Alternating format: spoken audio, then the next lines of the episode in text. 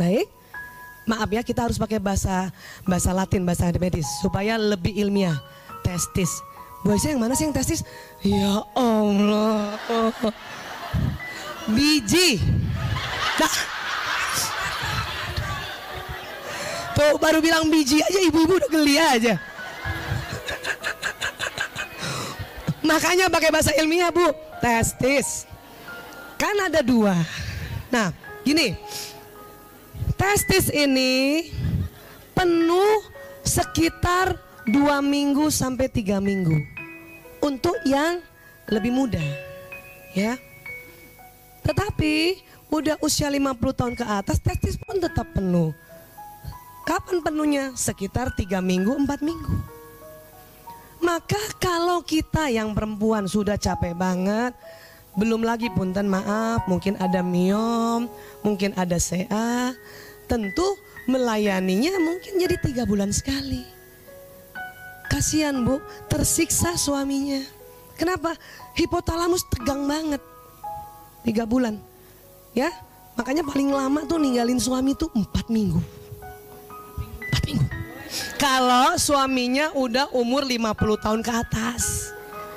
Kalau yang suaminya masih 30-an, dua minggu saja. Dua minggu testisnya sudah penuh sperma. Kalau ibu nggak datang, ayo. Mau dikasih siapa?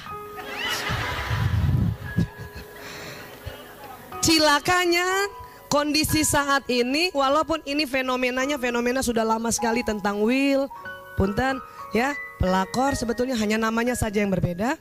Yang cilakanya adalah media sosial sangat menjadi ya fasilitas yang memudahkan. Nah itu tadi pada saat misalnya ya tiga minggu seperti itu, dua minggu atau tiga minggu bahkan sebulan ya kemudian nah ada yang mulai punya pikiran pelakor yang enam hal tadi, ah jadi. Ya, coba kembali tadi ke sambungannya pelakor. Ya bu, jadi paham ya bu? Ini paham dulu secara fitrahnya. Hipotalamus laki-laki berapa kali dari besarnya dari dua setengah, dua setengah. Paham ya? Iya. Sudah menerima dengan ikhlas? Kenapa kalau hipotalamusnya kecil? Ah, ibu tetap diduai dengan lelaki lain, bukan dengan perempuan. Mana coba lebih rela mana berbagi dengan perempuan atau berbagi dengan laki-laki? Kata ibu nggak dua-duanya, pasti ibu masih muda deh. Coba nih ibu udah 50 tahun ke atas ya Allah. Ya. Baik.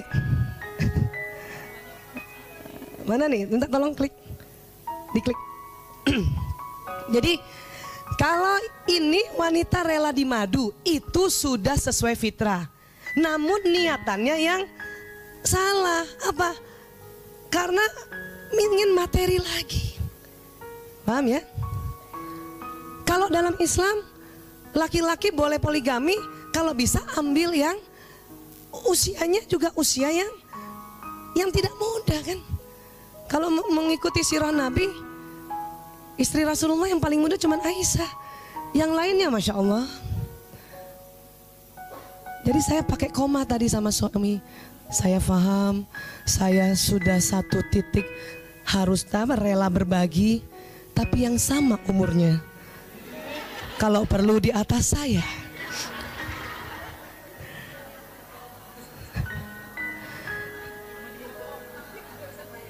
kata, kata ibu sama juga bohong. Enggak sih bu. Enggak juga. Kan lumayan nih. Kalau dulu kita umur 23, 25, 30, engkaulah ya, akulah satu-satunya yang melayanimu. Ya kan? Yang biasanya tiga hari sekali, empat hari sekali, misalnya gitu kan? Tetapi sudah umur 50, ya, supaya gantian empat hari sekalinya itu, karena kita baru dua minggu sekali aja bisanya, itulah harus yang sama dengan umur. Nggak imbang kalau cari penggantinya umur 25 maka kita yang tersingkirkan. Karena si 25 itu bisa dua hari sekali tiga hari sekali. Kapan bagian yang pertama itu makanya itulah hikmah dari Rasulullah ya diperintahkan Allah, saya kasih tahu ya, diperintahkan Allah mencari istrinya di usia tua semua. Supaya apa? Supaya imbang kekuatannya. Ya. Tapi ya Siti Aisyah radhiyallahu an itu hikmahnya lain lagi. Karena beliau masih muda, diharapkan bisa menyerap apa kata-kata Rasulullah, apa tindakan Rasulullah, apa kebijakan dan keputusannya. Kenapa? Memang harus lebih fresh. Kalau yang sudah 55 tahun, ya, tar dulu tadi Nabi ngomong apa ya? Mandi junub berapa kali lagi? Paham bu? ya, nggak mudeng. Ya, iya. Oke, sekarang wanita wanita yang menganggap bahwa definisi pria yang baik adalah pria yang mau memanjakan pasangannya, terutama dari segi harta, selalu diberi kejutan ini kurang teh materi yang berlimpah. Kembali lagi, apa niatannya? Harta. Harta. Punten, maaf. Saya sering lihat juga tuh kalau maaf ya selebriti gitu. Ya, kemudian suaminya kena pelakor, saya lihat tuh ya. Dia tuh yang sang pelakor tuh kalau dia foto-foto di Instagramnya dia bangga banget dia peluk suami orang tapi sebelahnya tenteng apa? Tas. Hah, Louis Vuitton Gucci gitu. Jadi kalau udah diberikan harta baru dia peluk. Ini kelihatan banget itu. Kalau ada yang kayak gitu tuh pelakor tuh. Pelakor. Ya pelakor. Lain halnya kalau punten seorang wanita sudah janda dicerai pisahkah atau cerai meninggal. Kemudian dia cuman hidup seperti biasa sederhana. Kemudian ada ya laki-laki lain yang tentunya faham bahwa sudah tidak punya istri. Apakah dia duda? Apakah lajang tua? Mau meminangnya? Si perempuan ini bukan kategori pelakor. Karena tidak ada niatan untuk harta dan dia tidak bersolek-solek sengaja ya menggoda bukan. Bukan. Paham ya bu sampai sini? Karena ini harus ngerti pelakor tuh kayak apa kategorinya. Jangan ada tetangga kita janda baik-baik dipinang laki-laki terus kita bilang hmm, pelakor bukan. Ini nggak boleh salah ini ya. Pelakor biasanya adalah orang terdekat di sekitar kita satu, karyawati dari bos di tempat kerja, ya. Teman sekerja dari suami. Sahabat terdekat yang tega menikung dan menggoda suami. Saya tiga tahun dia ada kasus gitu banyak banget. Ya, teman sekolah atau kuliah suami waktu lampau. CLBK. Ini banyak sekali gara-gara apa? Cuman unik-unik ini kalau CLBK itu nggak mesti uh, niatannya harta. Tetapi itu hanya karena memorable, memori. Memori. Bu, kita nggak bisa buang memori kita terhadap waktu kita masih kecil. Ya Bu, Ibu pernah reuni nggak? Reuni biasa aja. Reuni biasa aja.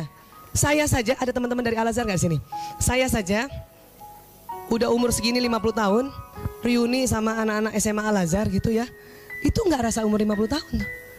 Merasa kayak waktu kita SMA, kenapa? Itu namanya inner child.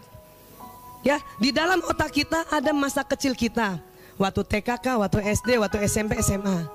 Maka pada saat ketemu orang yang sama, ya, dan punya memori yang sama, inner childnya nyala.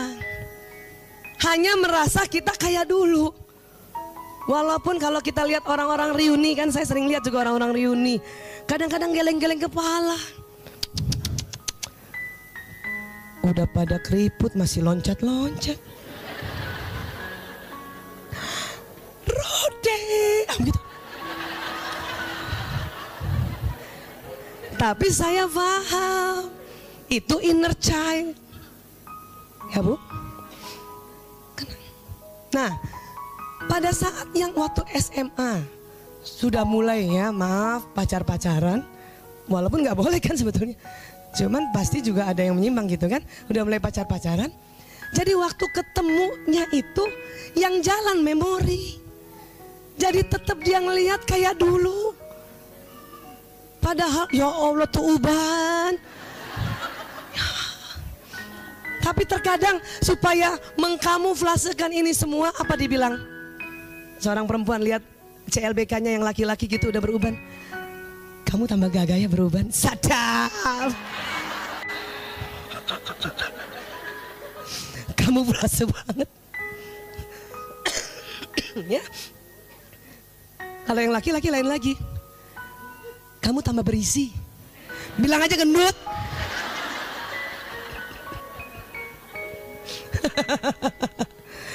Maka memang aman kalau kita tidak punya memori inner child yang kategori pacaran itu. Paling aman udah.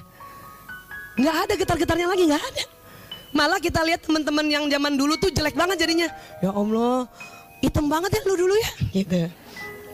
Kan gitu ya. Nah itu. Jadi kalau yang CLBK, dia tidak melulu niatannya harta. Dia masuk kepada pertemuan memorable. Ya, inner childnya keluar semua. Dan itu juga akhirnya semu juga. Ya, semu juga. Oke. Tetapi yang lainnya ini, ini biasanya sahabat yang nikung tuh pasti karena harta. Kalau yang pelakor ya. Iya. Kenapa? Ya pastilah karena harta, namanya juga sahabat. Udah sering banget ya sahabat yang punya suami ini karena hartanya banyak kan cerita. Eh lo tahu nggak suami gua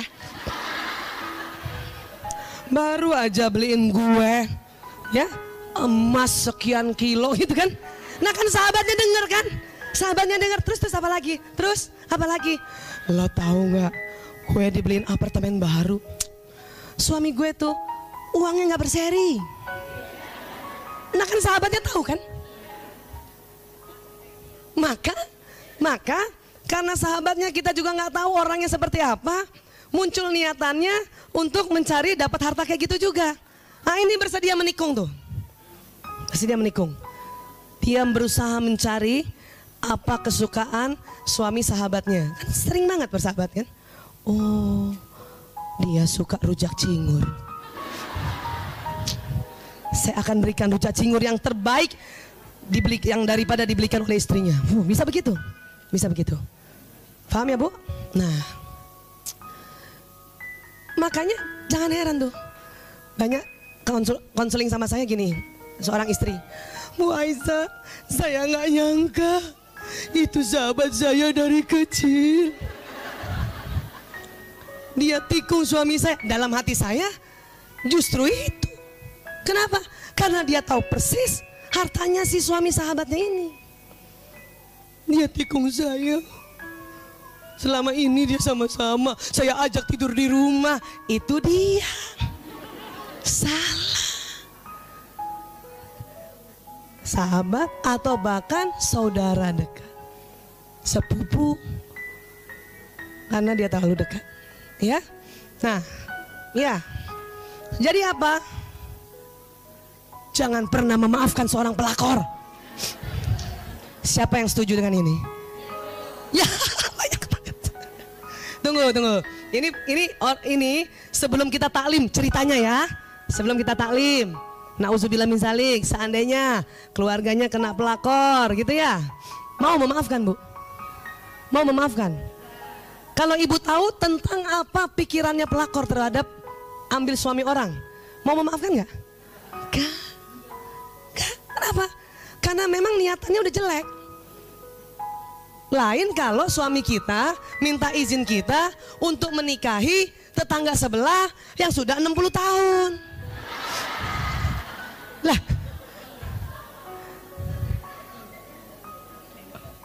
Kalau ada yang kayak gitu ya Allah. Saya datang tuh ke nikahannya tuh. Kenapa? Kagum aja. Dan istrinya izinin. Nah itu lain. Oke bu, masa nggak boleh dimaafin Bu Aisyah? Eh, ini kita ngomong perempuan aja dulu ya, belum perempuan yang bertaklim lah. Nah, itu beda soalnya. Karena kalau sudah bertaklim ada kemajuan. Ngapain? Kalau kita tahu bahwa isi pikirannya pelakor adalah harta dan harta dan harta dan harta dan sengaja memang merebut, ngapain? Tetapi Bu, silakan memaafkan suami yang sudah menyesal dan minta maaf serta berjanji meninggalkan pelakor tersebut. Jadi yang dimaafin siapa? Kalau yang gimana? Minta maaf, menyesal, janji. Janji aja dulu udah syukur, Bu. Ya iyalah. Kalau enggak, ya orang kalau berjanji kan ngomong. Ya, saya janji tinggalkan dia. Itu ngomong ya. Maka berharap dengan omongannya jalan ke sistem saraf, pesannya jalan di badan. Bagus lagi kalau dia berulang-ulang janji. Punten, nauzubillah min zalik, seandainya ada seorang istri suaminya ya kena bujukan pelakor dan ketahuan, kemudian suaminya minta maaf dan berjanji, suruh ulang-ulang minimal tiga kali. Bunda, ayah janji deh. Betul ayah janji, iya. Janji apa? Tinggalkan dia. Oke, ulang coba tiga kali. Kenapa bu? Karena pada saat itu kita di atas awan. Coba ulang tiga kali.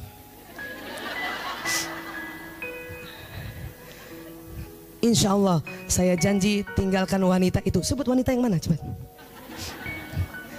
Saya tinggalkan Fulana binti Fulan itu ya. Sekali lagi mas, sekali lagi.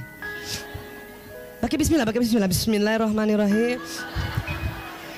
Insya Allah saya janji tinggalkan wanita itu yang bernama Fulana binti Fulan. Oke? Okay? One more. Kenapa tiga kali? Setiap sebutan ulang-ulang tiga kali pada saat yang bersamaan, dia jalan di badan kita lewat sistem saraf, terekam oleh memori badan. Itu dalam Islam kenapa kita setiap doa atau di dalam sholat dibaca tiga, tiga, tiga, tiga kali. Itu udah diteliti oleh ilmu neuroscience. Ya, iya. Tapi apakah itu permanen Bu Aisyah? Enggak. Enggak permanen. Buktinya dalam sholat kan kita lima kali. Ya, ngulang-ngulang kan tiga kali tiga kali juga kan?